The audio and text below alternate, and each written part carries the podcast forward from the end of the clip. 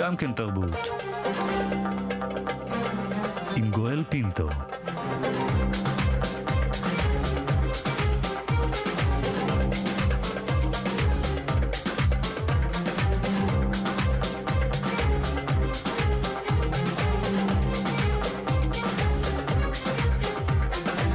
שלום, שלום לכולכם, חזרתם אלינו, אנחנו שמחים על כך. אנחנו בשעה השנייה של גם כן תרבות, מגזין התרבות של ישראל, כאן אצלנו ברשת כאן תרבות, 104.9, 105.3 FM, אנחנו כמובן גם באתר כאן וביישומון של כאן.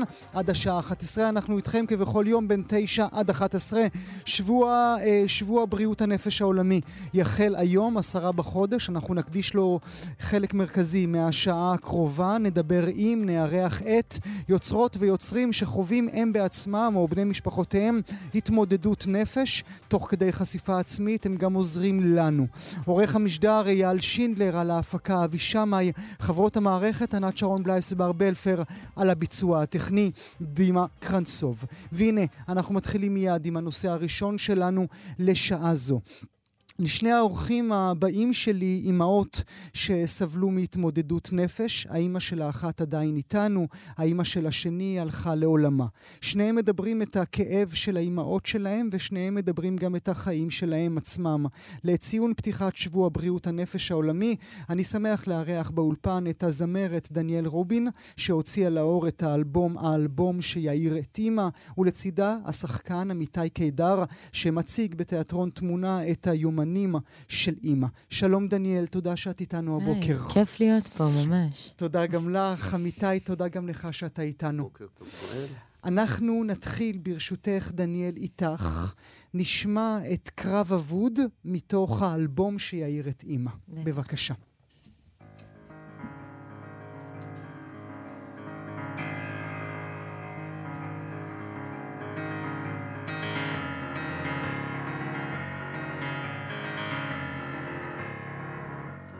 שוב האמנתי לך שאת לא חולה. שוב חזרתי לצפות ולקוות שוב, והיה על מי לשים את האשמה. איך נפלתי בזה שוב? מה היה מספיק חשוב לילדה שבי כדי לחזור להיות מטומטמת וקטנה? ניר אומר שאני מתעקשת ליפול ולחכות שתתפסי אותי ואת לא תתפסי אותי. אני שוב מבקשת ממך לחזור למציאות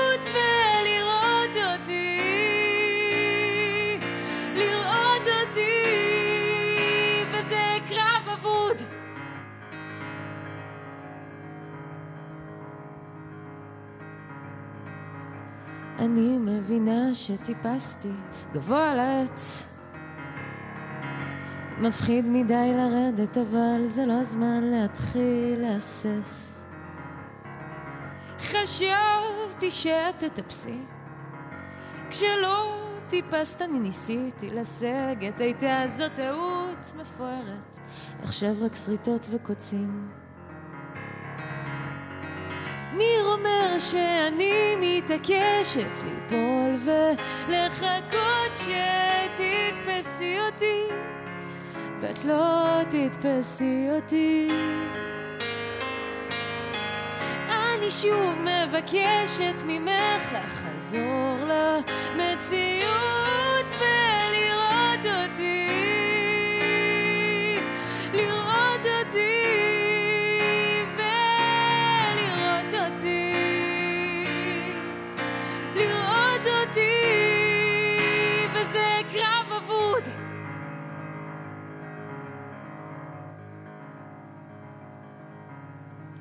אין סיכוי שאני אאמין לזה שוב. אין סיכוי שאני אאמין לזה שוב. אין סיכוי שאני אאמין לזה שוב. אין סיכוי שאני אאמין לזה שוב. אין סיכוי שאני אאמין לזה שוב. אין סיכוי שאני אאמין לזה שוב. דניאל רובין אה, עם הביצוע חי כאן אצלנו באולפן לקרב אבוד מתוך האלבום שיעיר את אימא. בינתיים שתצטרפי אליי Mm. כאן לשולחן, אה, דניאל, אני לא יודע, לא, אני לא יודע איזה מהמילים לבחור. נדמה לי שהמילים של, עבורי, המילים החשובות וה- והנוגעות בשיר הזה, זה ניר אומר שאני מתעקשת ליפול ולחכות שתתפסי אותי. את לא, את לא תתפסי אותי. זה מין מה, ערגה כזאת כל הזמן? כי זה התפקיד של אימא, לתפוס, אבל לא יקרה, היא לא אה, תתפוס. כן, היא לא... האמת שזה היה באמת, כאילו, למזלי, היום אימא שלי מאוזנת כבר בערך עשרה חודשים, וזה באמת אה, דבר שמקל לי על החיים מאוד. אבל הייתה תקופה ארוכה שהייתי כזה, טוב, אימא, בואי... אה, בואי נוכיח להם ש... שאת יכולה כן, לתפוס. הם סתם, הם סתם אומרים, את יכולה, אני, אני מכירה אותך. אה, וניר זה הבן זוג שלי, כמובן. אה, כש, כשהוא אמר לי את זה, הייתה לי צביטה גדולה בלב, כי ידעתי שהוא צודק.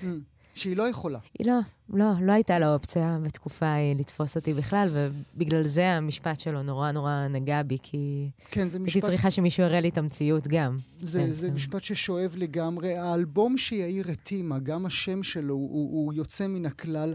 למה החלטת לעשות אותו? זה השלישי, זה האלבום השלישי האלבום שלך, השלישי נכון? שלי, השלישי. כן. למה החלטת בעצם לא, לאוורר את הסדינים ככה מול כולנו? הייתי חייבת, פשוט.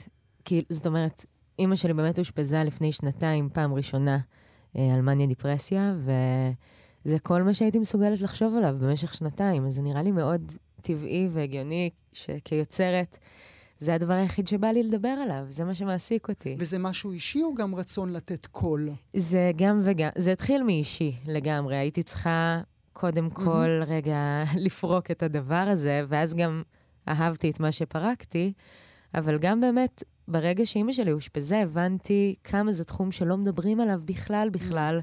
אני לא יודעת עליו כלום, וכל מה שקורה מפתיע אותי, כי אני פשוט לא מכירה את זה. ואנשים כל כך מתביישים באימהות שלהם, חברים שלהם בעצמם, ומתרחקים מאנשים מתמודדי נפש, כי הם לא יודעים על זה כלום, וכשאתה לא יודע על משהו, שום דבר, אבל נדמה אתה מפחד. ש- נדמה לי שעם אימא, ונדבר על זה עם אמיתי בעוד רגע, נדמה לי שעם אימא זה עוד מקבל קומה נוספת, כי אמ- אמ- אמורים להיות לה תפקידים. בטח, זה חלק מה... בטח, זה לגמרי. חלק ממה שהיא אמורה מה לעשות? בחיים.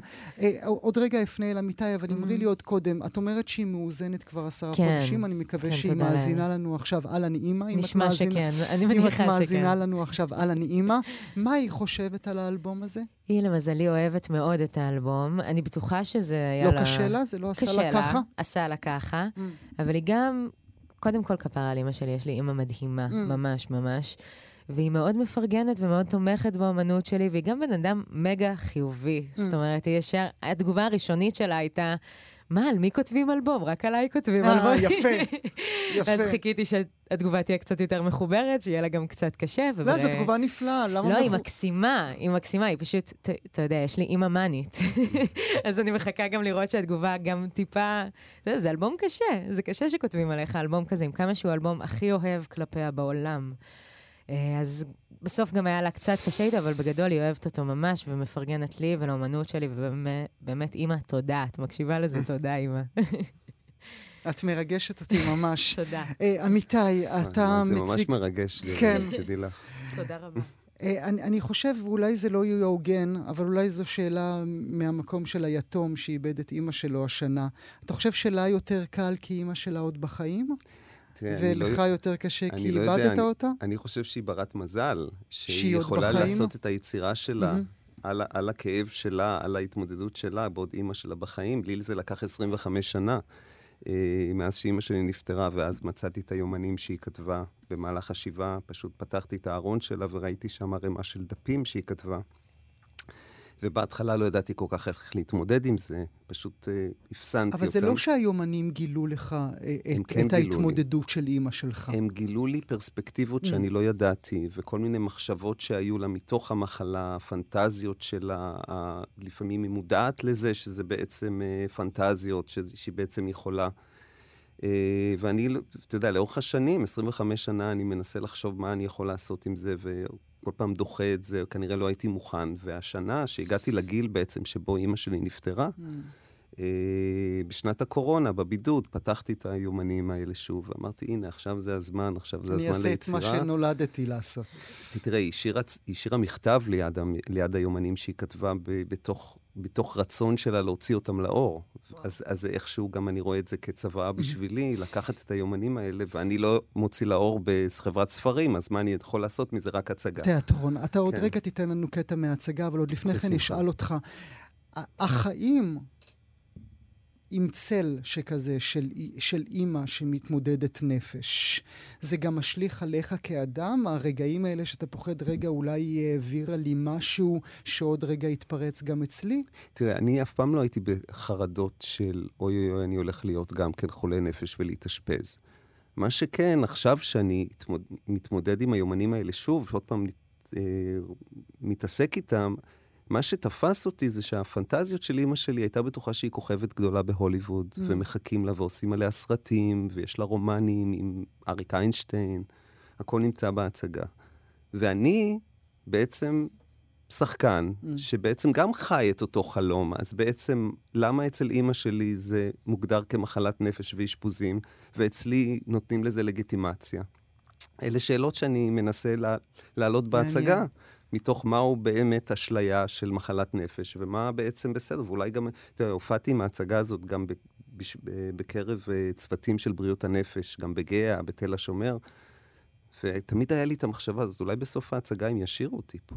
אני לא יודע. אולי, אולי, אני, ייתנו לי ללכת הביתה, אתה יודע, זה קצת בהומור, אבל אה, כן. uh, המחשבות האלה תמיד נמצאים. ומי לא היה רוצה רומן עם אריק איינשטיין? לגמרי. זה, זה, זה דבר שכולנו היינו שמחים. הסתכלת עליי וידעת, ברור. על עצמי בעיקר. אה, אני אשמח נורא, אמיתי, אם תיתן לנו קטע מתוך היומנים של אימא. בבקשה. אני בבית חולים תל השומר, מחלקה פסיכיאטרית 5ב. בכל ערב אני צופה פה בטלוויזיה. מה אתה אומר, דוקטור? אני כבר מרגישה נהדר, מתי משחררים אותי הביתה? אוי, תסלח לי, דוקטור, עכשיו בדיוק מתחילה הסדרה שאני כל כך אוהבת בטלוויזיה. זאת סדרה יומית, אני לא מפספסת. כל יום יש פרק חדש. שושלת, דיינסטי. אתה גם צופה בדוקטור? אתמול היה שם המון בלאגן, אבל בסוף בלייק וקריסטל ינצחו, נכון, דוקטור? אוי, דוקטור, תראה, הם משדרים עכשיו בטלוויזיה. תראה איך בלייק קרינגטון נותן בושם בשמי דליה אל אהובתו קריסטל. הם המציאו בושם חדש על שמי, כי גם לי קוראים דליה. כן, זה נכון. מה, אתה לא מאמין לי? אוי, עמי שלי. תסלח לי רגע, דוקטור, אני חייבת רגע לדבר עם הבן שלי. עמי, מתי אתה בא לבקר אותי? עמי, לתבוא מחר אחרי בית ספר, טוב? תהיה ילד טוב לאימא, תבוא מוקדם. רק אה, תביא לי את הבושם של קריסטל שאתה בא, בסדר? זה חשוב, אל תשכח. תבקש מסבתא שתקרא לי בפמפומריה. זה מאוד מאוד חשוב. טוב, אהוב שלי? אני מחכה לך מחר. אתה רוצה שאימא תהיה שמחה, נכון? אז תהיה ילד טוב לאימא ותביא לאימא את מה שהיא מבקשת. אימא, דוד חיים הסיע אותי פה עכשיו בג'יפ הגדול שלו לתל השומר לבקר אותך. ביקשתי מסבתא כסף וקנינו לך מתנה. הנה, קחי. זה הבושם שרצית, נכון, אמא? סבתא אמרה לי שזה סתם יקר ובזבוז כסף, אבל אני רציתי שתהיי שמחה, אז נתתי לה את הדמי כיס שלי וקנינו לך מתנה. הנה, קחי, שימי אלייך קצת. נו, זה ריח טוב, אמא? אמא, את יודעת שגם לבושם הזה קוראים דליה? אמילה, בוא תריח איזה ריח טוב יש לאמא. בוא, ילד שלי, אני אשים לך גם טיפה של בושם מאחורי האוזניים. שתריח גם טוב, שתהיה מאושר. בטח, אמא. אני גם רוצה להריח טוב, אמא, כמוך. אמילה, אתה מאמין לאמא, נכון? אתה יודע שהם עשו את הבושם עליי. הם עושים את זה בשבילי בטלוויזיה, כי הם רוצים שאני אבריא ואתחזק קצת, ואז הם יבואו לקחת אותנו מפה, וניסע ביחד להוליווד. הם שולחים לי רמזים. אמא, אני לא יודע, אני... סבתא אומרת שזה שטויות, שאת רק מדברת ככה, כי את... אני רוצה שתהיי בריאה, אמא. שתבואי כבר הביתה. אמילה, אתה חייב להאמין לי. אני אימא שלך, אף אחד לא מאמין לי פה למה שאני אומרת, לא סבתא ולא הרופא. כולם אומרים שאני שטויות, אבל זה לא שטויות. זה רק נגדי, כולם, כל, כל העולם. רק אתה נשארת לי. אתה חייב להאמין לי, עמי. בסדר, אמא. אל תהיה עצובה. אני מאמין לך. אני מאמין לך. אני מאמין. תודה רבה.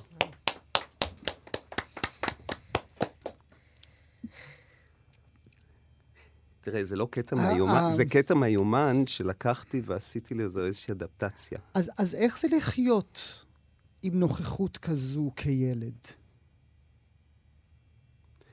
אה, תראה, כשהייתי ילד אני התביישתי בזה. אני התביישתי במצב, רציתי שלא ידעו, שלא ידעו בבית ספר, שלא ידעו בקיבוץ. אני עברתי לגור בקיבוץ באיזשהו שלב בגלל האשפוזים של אימא, הייתי ילד חוץ בקיבוץ. גלתי בקיבוץ נגבה עם ילדי הקיבוץ. לא דיברתי על זה, לא רציתי, התביישתי. דווקא בשנים האחרונות... מה זה עשה לך, אבל, לחיים שלך, ליום-יום שלך, לחיות מול ישות כזו? תראה, אני תמיד ידעתי, וגם בתור ילד קטן, חשבתי שאני יודע מתי אימא בתוך האשליות שלה ומתי זה מציאות. אני חושב שבתור ילד פיתחתי איזשהו כישרון לדעת לבד מתי שהיא מדברת אל הרדיו, אז זה, זה הפנטזיות שלה ומתי זה מציאות. וידעתי גם שיש לי תפקיד. לאזן אותה. ידעתי שיש לי תפקיד לחזק אותה, המון, לקרקע אותה. זה המון על הכתפיים של ילד. אה, יכול להיות שזה המון, אבל בסופו של דבר, זה מה שנותן לי את מנוף היצירה בימים כן, האלה. כן, מזה אנחנו תמיד אה, מרוויחים גם מהדברים האלה. אז אני, גם... מס, אני מס, מנסה לראות את הרווח שאני מבין מזה, לא את ה... אתה יודע, לכל אחד יש את הסיפור שלו, לכל אחד יש את הטראומות שלו. אני מצאתי שאני יכול לקחת את הסיפור הזה, את האוצר הזה, שבעצם הוא היומנים של אימא, ולתעל אותם ליצירה שגם אולי תעזור לאחרים שמתמודדים כמוני. לעשות מזה כמוני. לימונדה. גם את הרגשת, דניאל, ה... גם לך היה את הכישרון לזהות את הרגעים של אימא שלך למע... כשהיא למעלה או כשהיא למטה? אני תמיד חושבת שכן, למרות שאני גם תמיד מפחדת שלא. זאת אומרת, אולי בגלל שאני עדיין בתוך הסיפור הזה, אז אני עוד חיה עם הפחד של... נראה לי שאני מזהה, אני מאוד מקווה. Uh, זה גם מצחיק, כי קודם חזרת על המשפט, אין סיכוי שאני אאמין לזה שוב. אני כבר מאמינה לזה שוב. זאת אומרת, בימים אלה אני כבר בטוחה שזה בחיים לא יקרה יותר. אני מבינה שזה לא בהכרח נכון. Uh, שזו מחלה כרונית ושיש לצפות תמיד למשהו שיקרה. Uh, אבל גם אני כרגע בנקודה שאני כזה, מה פתאום, זה לא יקרה יותר בחיים. לא בטוח. לא, תשמע, באמת עכשיו זו תקופה מאוד ארוכה שאימא שלי מאוזנת, וזה מאוד מאוד משמח, ויחסית הדברים במשפחה הסתדרו, ו... אני חייב להגיד לך שמתוך הניסיון שלי, היו רגעים שאימא שלי הייתה מאושרת. זאת אומרת, המחלה... לא, גם עכשיו אימא שלי מאושרת, בטח. אז זהו, המחלה בטח. שנראית לנו שאנשים סובלים ומתייסרים, לא, לפעמים יש לזה כן. גם אספקטים. אימא שלי הייתה מאושרת, היא הרגישה שהיא מגשימה את עצמה, הייתה תקופה שהיא הייתה ממש נינוחה. וכאילו היה טוב לה. כן. אז, אז את יודעת, השיפוט שלנו... נכון. לא, גם האמת שאימא שלי ספציפית, יש לה רק מניה, אין לה דיפרסיה, שזה דבר מאוד מאוד נדיר. זאת אומרת, היא די תמיד מאושרת. הלוואי עלינו, להיות מאושרים כן, כל זה, הזמן. זה בעיקר בעיה שלנו, שהיא אתה יודע, מתנהגת מוזר, עושה כל מיני דברים, אבל uh, בגדול היא כל הזמן מאושרת, וזו באמת נחמה מאוד גדולה.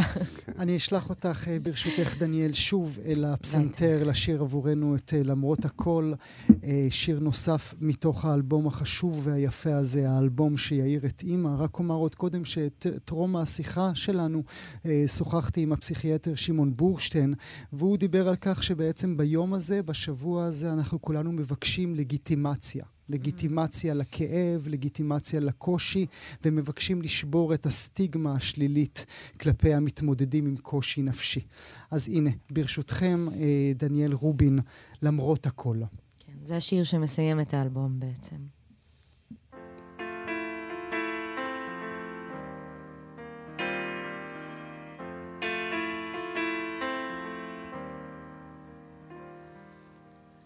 אני יודעת שיום אחד אני אהיה אימא מדהימה. אני יודעת שזה בזכותך. אי אפשר לקחת את זה ממני וממך. רוב הדברים שאני אוהבת בעצמי, קיבלתי ממך. וככל שאנחנו יותר דומות, ככה אני מפחדת להסתבר. למרות הכל אני זוכרת כל הזמן את האימא הכי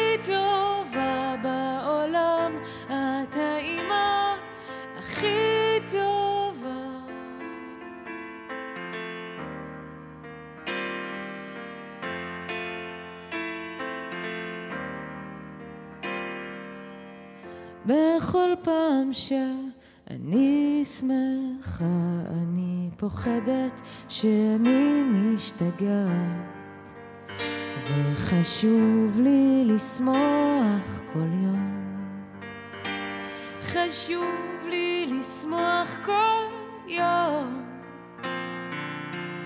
אני יודעת שיום אחד אני אכעס עלייך קצת פחות. את תחזרי לבוא להופעות, אסתכל עלייך בלי לבכות. זה תמיד יהיה שם, אבל נוכל להמשיך לחיות. אני זוכרת כל הזמן את האימא הכי טובה הכי טובה בעולם, למרות הכל אני זוכרת כל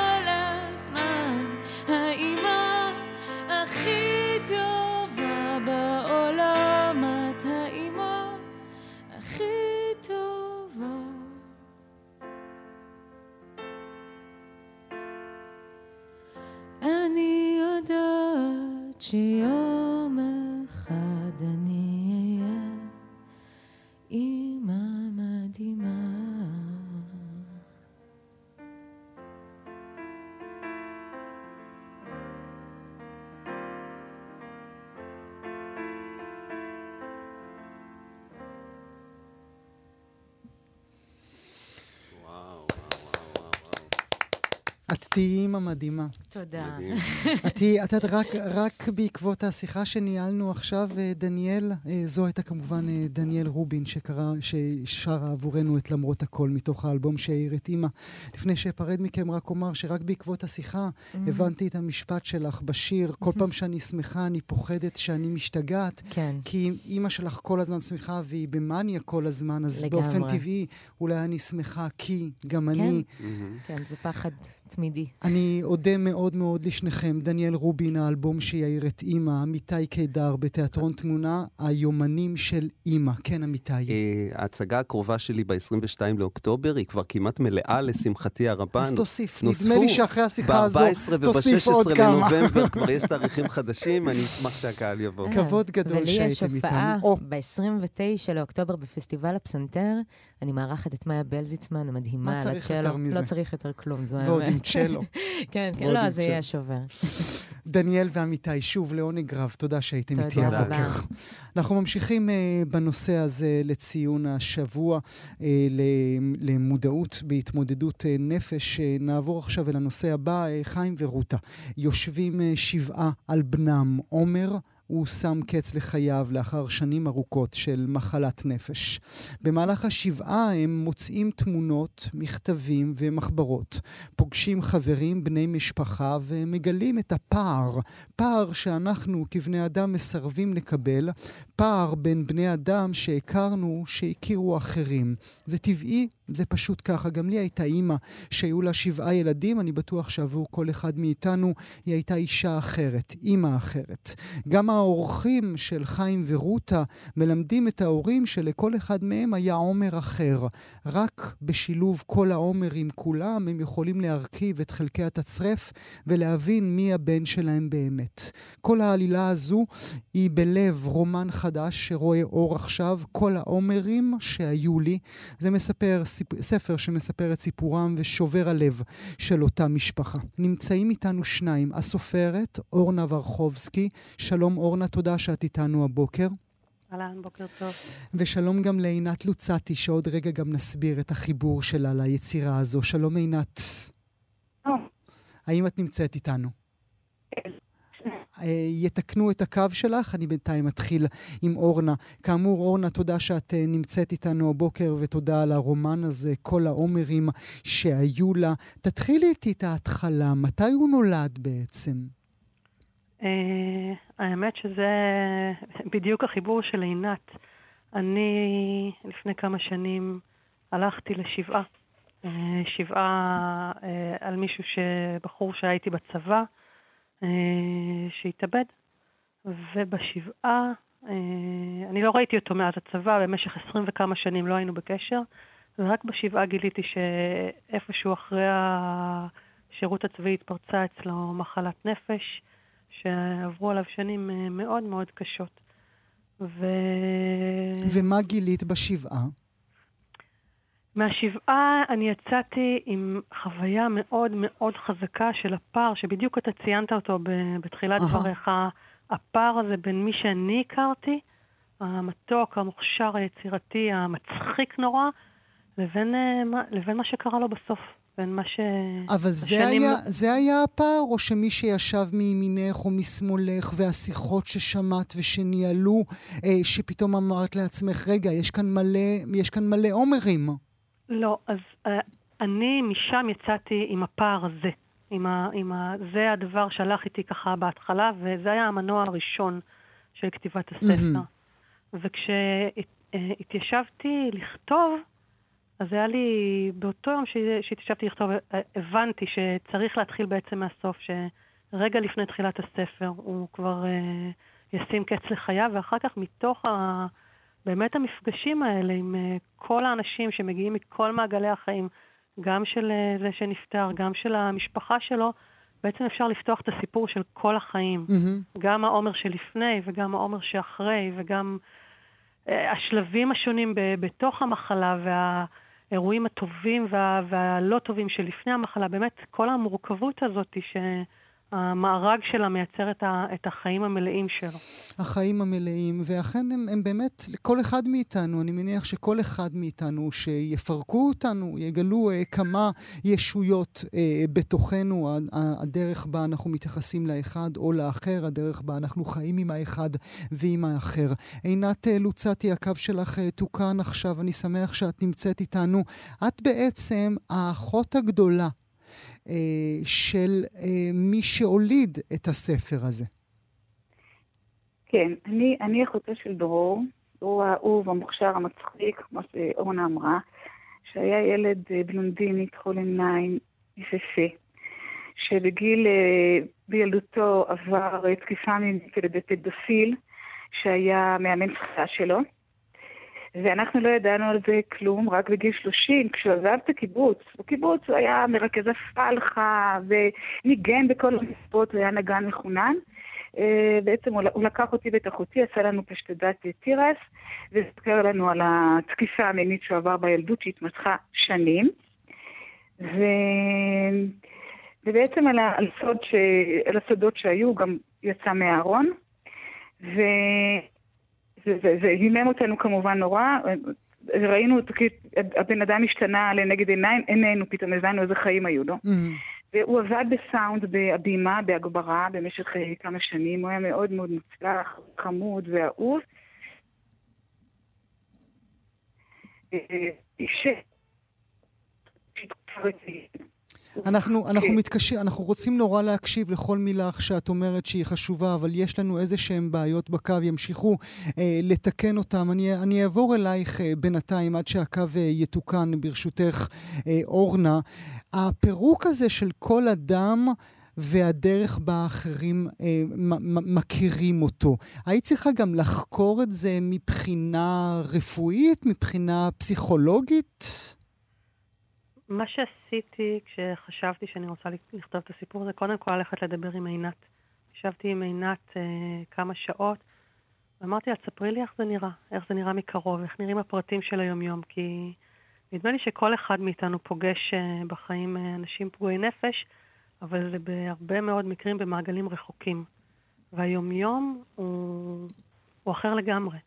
זה נראה אחרת לגמרי. Mm-hmm. וככה התחלתי. מבחינה רפואית, אז uh, תוך כדי הכתיבה ביקשתי מאחותי, שהיא רופאה פסיכיאטרית, שתקרא כל פרק שסיימתי, רק כדי לדייק אותי, mm-hmm. רק כדי לראות שאני לא כותבת דברים שהם uh, לגמרי מופרכים. אבל מבחינת איך שזה נראה, זה היה באמת uh, יותר שיחה עם האנשים הקרובים, לראות באמת את ה...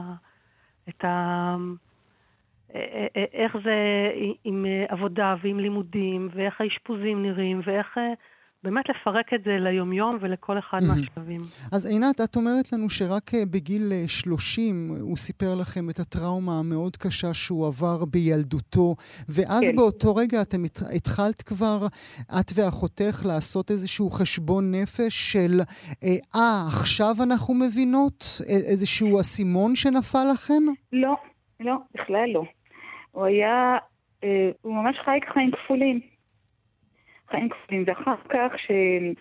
אחרי שנים, כשהיה לו את התקף הפסיכוטי הראשון, אה, בגיל, אה, קצת אחרי כמה שנים שהיה בתל אביב, אה, שכמובן לא, לא ידענו מה זה, לא הבנו מה זה, לאט לאט למדנו את הדברים.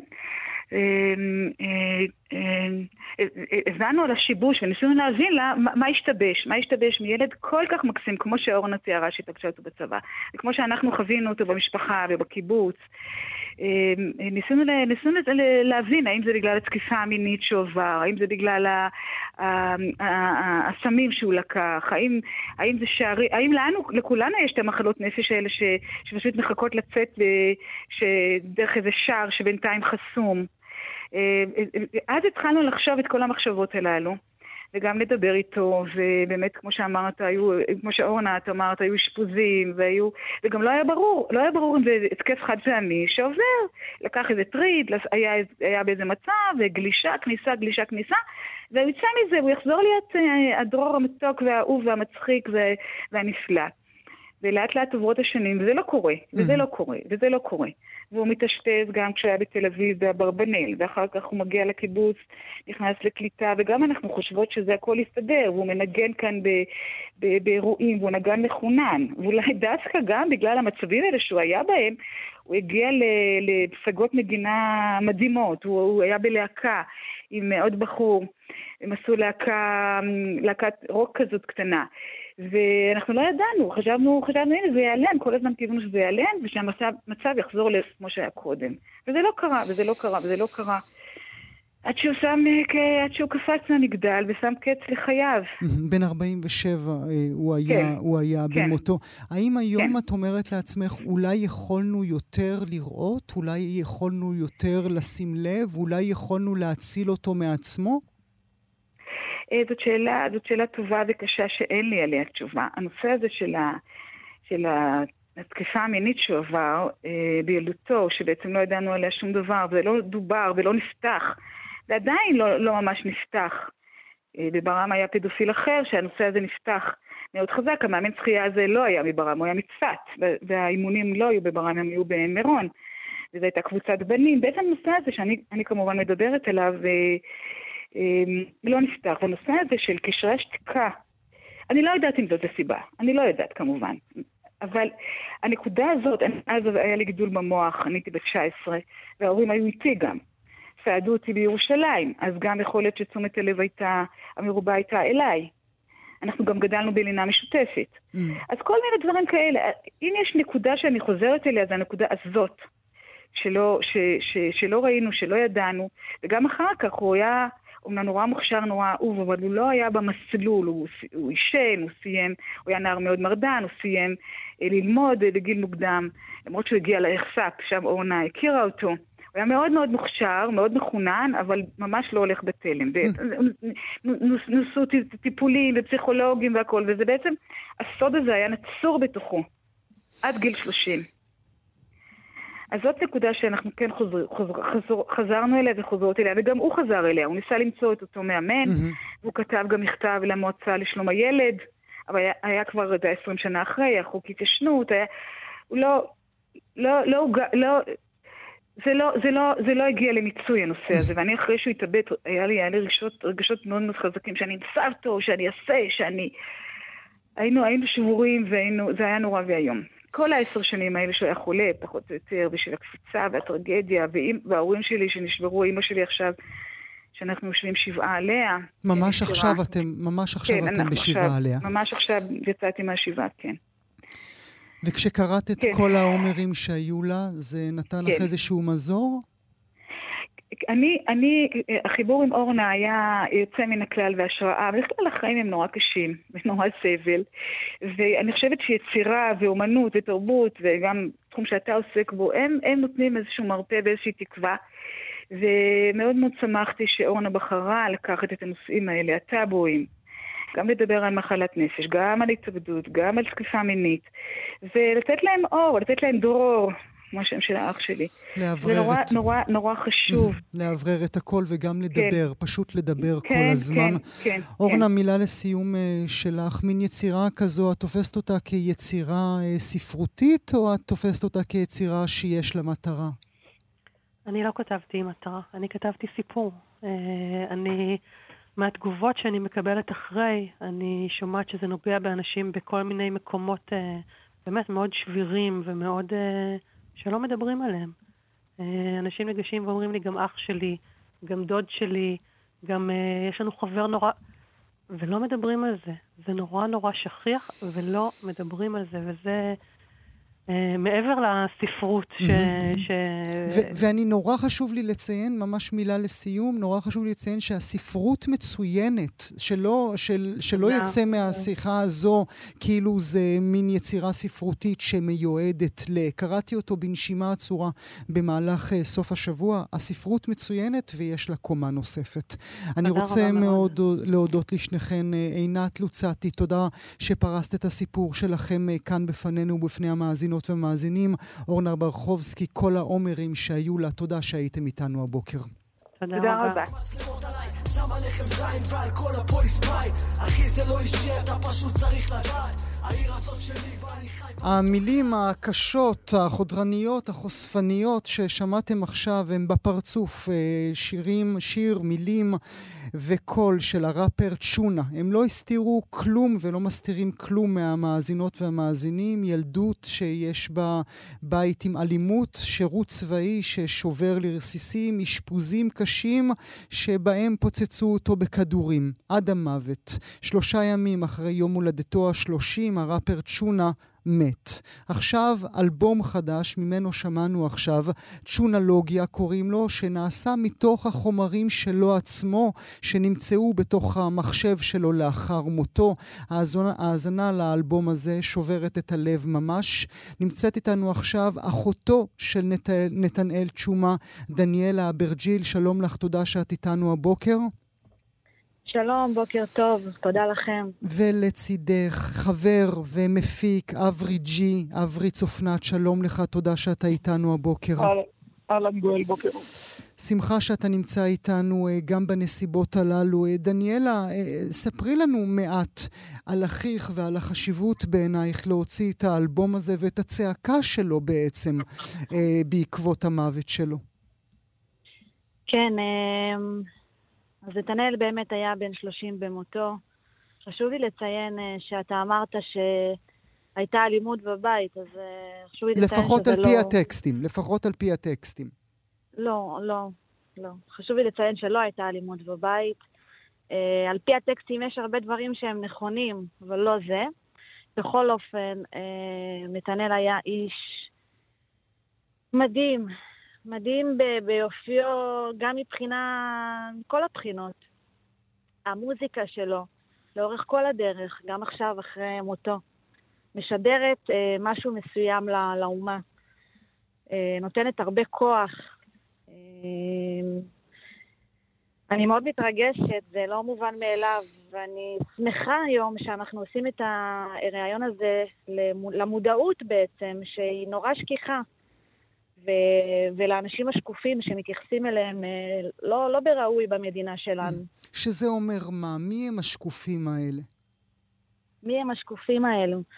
אה, אנשים בעצם שלא התייחסו אליהם כראוי במדינה, אם זה פסיכיאטרים, אם זה מוסדות גמילה, אם זה אה, אשפוזים. אה, בעצם האנשים השקופים הם אנשים הנרקומנים, אנשים אה, הומלסים, אנשים שמכורים לכדורים, כמו שאחי היה בסך הכל. מהמם.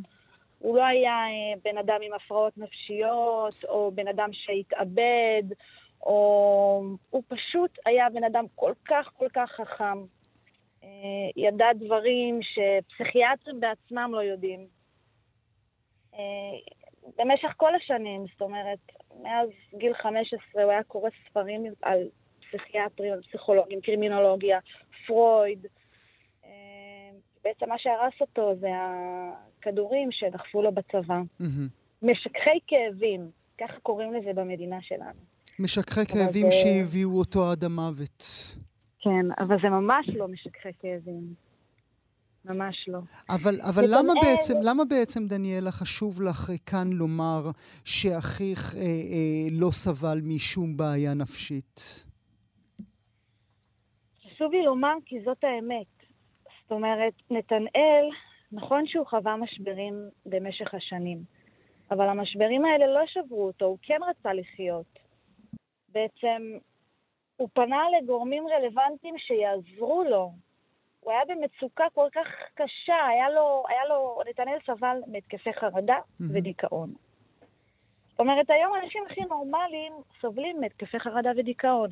אבל זה לא, אומר, זה לא לאו דווקא אומר שהם חולי נפש. המילה חולה נפש, יש לה משמעות כל כך כל כך גדולה. אבל, זו, אבל אולי זו, דניאל, ואני אומר את זה במחילה ובכבוד, אולי לזה בדיוק נועד ה- השבוע הזה, כדי להוציא את, ה, את הרעל מהמילה הזו, מהמינוחים נכון. האלה, לומר הכל בסדר, זה בסדר, יש מי שכואבת לו האצבע, ויש מי שהחיווט פחות עובד. זה נכון. כל אדם שמרגיש צורך בעזרה, אני בעד לבקש עזרה, אבל זה לא באמת עזרה במדינה שלנו. לצערי הרב, לא מתייחסים לזה אה, כראוי. לא מתייחסים לזה. אנחנו בסך הכל עוד מספר במערכת, ואחי הוא עוד גופה במקרר. אחי הוא עוד גופה במקרר. זאת אומרת, אתה הולך, אתה אומר, אמ, אנשים אפילו שסתם יש להם כאבים בגוף, לאו דווקא אנשים שיש להם הפרעות נפשיות. אני שמעתי סיפור השבוע שפשוט הזדעזעתי, וזה בדיוק הנקודה שנתנאל היה בה. בצבא הוא אמר, כואב לי, תעזרו לי, הייתה לו בעיה בעצמות. ופשוט היד מאוד קלה על, הדף. היד מאוד קלה. ופשוט התחילו לרשום פה כדורים, כביכול משככי כאבים, שהרסו אותו מכל הבחינות. מכל הבחינות. וכשהוא רצה להיגמל, היה מאוחר מדי. והוא רצה להיגמל. אבל לצערי, במדינה שלנו, המ- המרפאות גמילה לא זולות. לא זולות, וכשאתה בא ופונה, מתייחסים אליך כאל פח אשפה. את שוברת לב, דניאלה. אני רוצה לעבור אליך, אברי, אה, ברשותך. נדבר על כן. האומנות שלו, כן? כי, כי א', זה המנדט של התוכנית שלנו, ב', כי אולי זה כדאי שיהיה המורשת שהוא יותיר אה, אחריו. כאשר מצאת את כל החומרים האלה בתוך המחשב שלו פנימה, היו שם דברים שלא הכרת? היו דברים שהופתעת מהם? כן, היו דברים רבים. אה, ישבתי שעות רבות ביחד עם חברנו, חבר של נתי ושלי, איתמר פוליטי, וגילינו בעצם אה, ממש אוצר, כמו מטמון של אה, יצירות. חפרנו, הפכנו את המחשב מצפון עד דרום, ממזרח עד מערב, ולמצוא כל אה, פיסה אפשרית, ובעצם אה, לנסות אה, למקסם את, ה, את התוצר שנוציא מהיצירות הללו. זה מין צבא? גם בנית את זה כצבא, את האלבום הזה? אני פשוט עבדתי עם, ה- עם האינטואיציה ועם התחושה שניסיתי לחשוב מה נתנאל היה רוצה, איך, איך הוא היה רוצה שהאלבום הזה יישמע מבחינת המוזיקה, ההפקה המוזיקלית, ולכן כאילו גם בחרנו את המפיקים הנהדרים שהצטרפו, אני חייב לציין את שמם רגע, איתמר בריל, אה, צוקוש, אה, נינג'ה 420, פאס, שירוטו ונבו שירזי ואורי גואטה, שעשו עבודה מדהימה. ו... אבל, אבל איך בוחנים או איך מדמיינים חזון של יוצר שכבר איננו איתנו? תראה, איך אני אגיד לך את זה? זה הבן אדם, למזלנו, הוא הספיק להוציא המון מוזיקה. יש לפחות שבעה פרויקטים קיימים כבר ברשתות, אז אז אפשר להישען על משהו. אפשר להבין פחות או יותר מה, מה הכוונות שלו היו. גם הייתי בקשר איתו בשנים האחרונות, אז ידעתי פחות או יותר מה, מה הוא מחפש, איך, איך- מה הסאונד שהוא אוהב, וגם איך הוא רוצה שזה יהיה מסודר ויישמע. Mm. אתם השמעתם, דניאל, דניאלה, השמיעו לך את האלבום הסופי ביום ההולדת שלך. אני לא בטוח, אני, אני לא יודע איך הייתי חש. זו הייתה שמחה או זה היה כאב? זה היה שמחה, ואני לא יודעת אם לקרוא לזה כאב. זה היה הרבה, הרבה אופטימיות והרבה כוח להמשיך הלאה.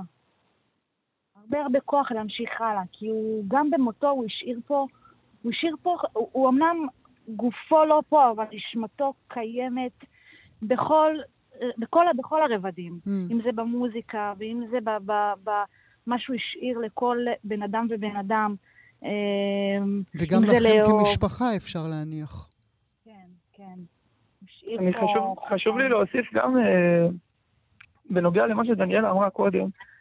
לגבי הצבא, אז באמת, אה, לפי מה שאימא סיפרה לי, שאורל, אה, שבעצם היה לו תסמינים של אה, FMF, שזה קדחת ים תיכונית, שזה תסמינים של קוטר נשימה, והוא התלונן על כאבים, הוא היה נוסע באוטובוס כל יום שלוש שעות, ו...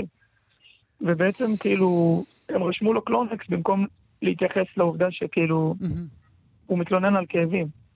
וזה בעצם, אני רוצה להעיר פה איזשהו זרקור גדול על העובדה שהילדים שלנו במדינה הזאת, הילדים והילדות שמגייסים אותם לצבא, רק uh, מעטים, אחוז מאוד קטן, עובר אבחון uh, פסיכולוגי.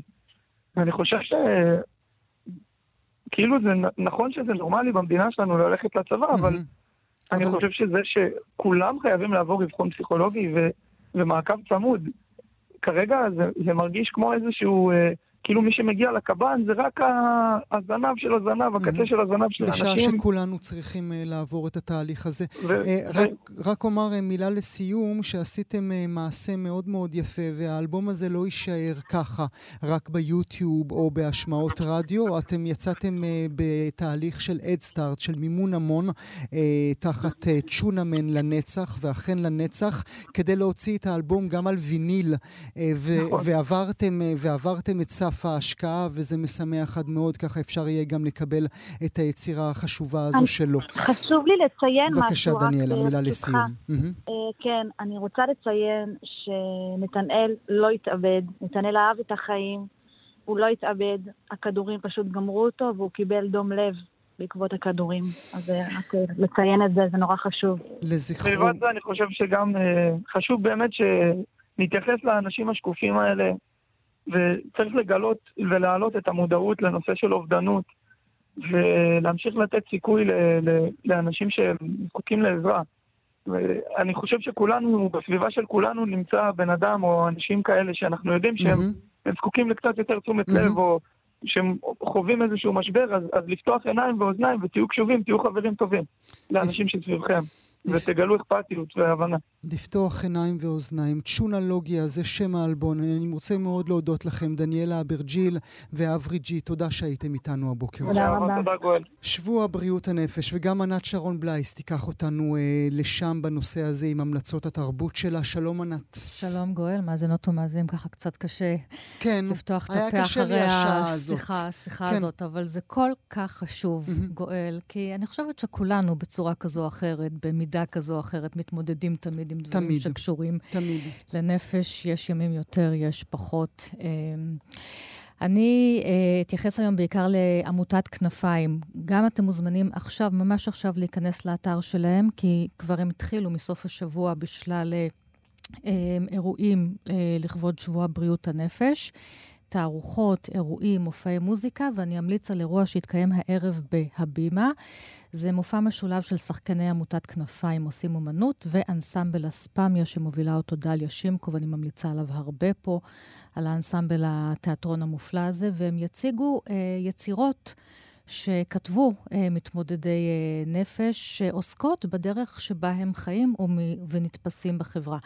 אני רק אומר שעמותת כנפיים עושים אומנות, שהיא עמותה שמאגדת יוצרות ויוצרים שהאומנות עבורם היא הדרך אה, לביטוי והיא. הדרך להתמודד עם האתגרים הנפשיים שלהם, והיא פועלת להעלאת המודעות ושינוי השיחה שלנו, איך שאנחנו מתייחסים לכל ה... בכל הנוגע לבריאות אה, הנפש. אה, אז את המופע הערב בימה דליה שימקו, אני אקרא טקסט אחד בשמחה. ממנו ששמו רעש לבן. יש לי במה בראש. אף פעם לא התעמקתי בתפאורה. או במראה הדמויות. כולן עיגולים מדברים. לרוב קשה לשמוע רק אחת, וזה לא ממש תיאטרון, יותר כמו דיונים משפטיים ברוח פוליטית. לא תמיד אני במרכז הבמה. אין שחקנים ראשיים ואפילו לא קהל, רק במה, תאורה עמומה ודמויות שלא שוכחות את הטקסט, עולות ומדברות כולן יחד, עד שאני אומרת, שקט. יפה. רעש לבן, יפה. זה הטקסט, ויש עוד כאמור המון אה, אירועים. יש לי במה בראש, זה גם מזכיר שיר של יונה וולך, שנפתח ככה וגם מדברת על מצבים נפשיים קשים. אז היא ככה, הכותבת אה, מתכתבת גם עם יונה וולך, וגם יש, יהיה אירוע שלם שמוקדש אה, למצבים הנפשיים דרך השירים של יונה וולך שזכו להלחנה. כל הפרטים תיכנסו לעמותת כנפיים לאתר שלהם. ענת שרון בלייס, תראי, כבר הגענו לסוף התוכנית, היא אצה רצה לה.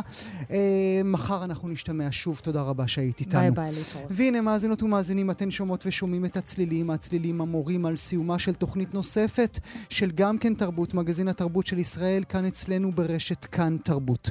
עורכת, עורך המשדר אייל שינדלר, על ההפקה אבי שמאי, חברות המערכת ענת שרון בלייס ובר בלפר, על הביצוע הטכני דימה קרנצוב. תודה רבה לכל האורחות והאורחים שליוו אותנו את המשדר הזה, ובעיקר לכן ולכם, מאזינות ומאזינים, תודה על שהייתם איתנו בתוכנית נוספת שכולה תרבות ואומנות. אנחנו נשוב ונהיה איתכם גם מחר בשעה תשע בבוקר. שמרו על עצמכם, אנחנו נחכה לכם כאן מחר. מיד אחריי, איציק יושע. המתינו לו. תודה ולהתראות.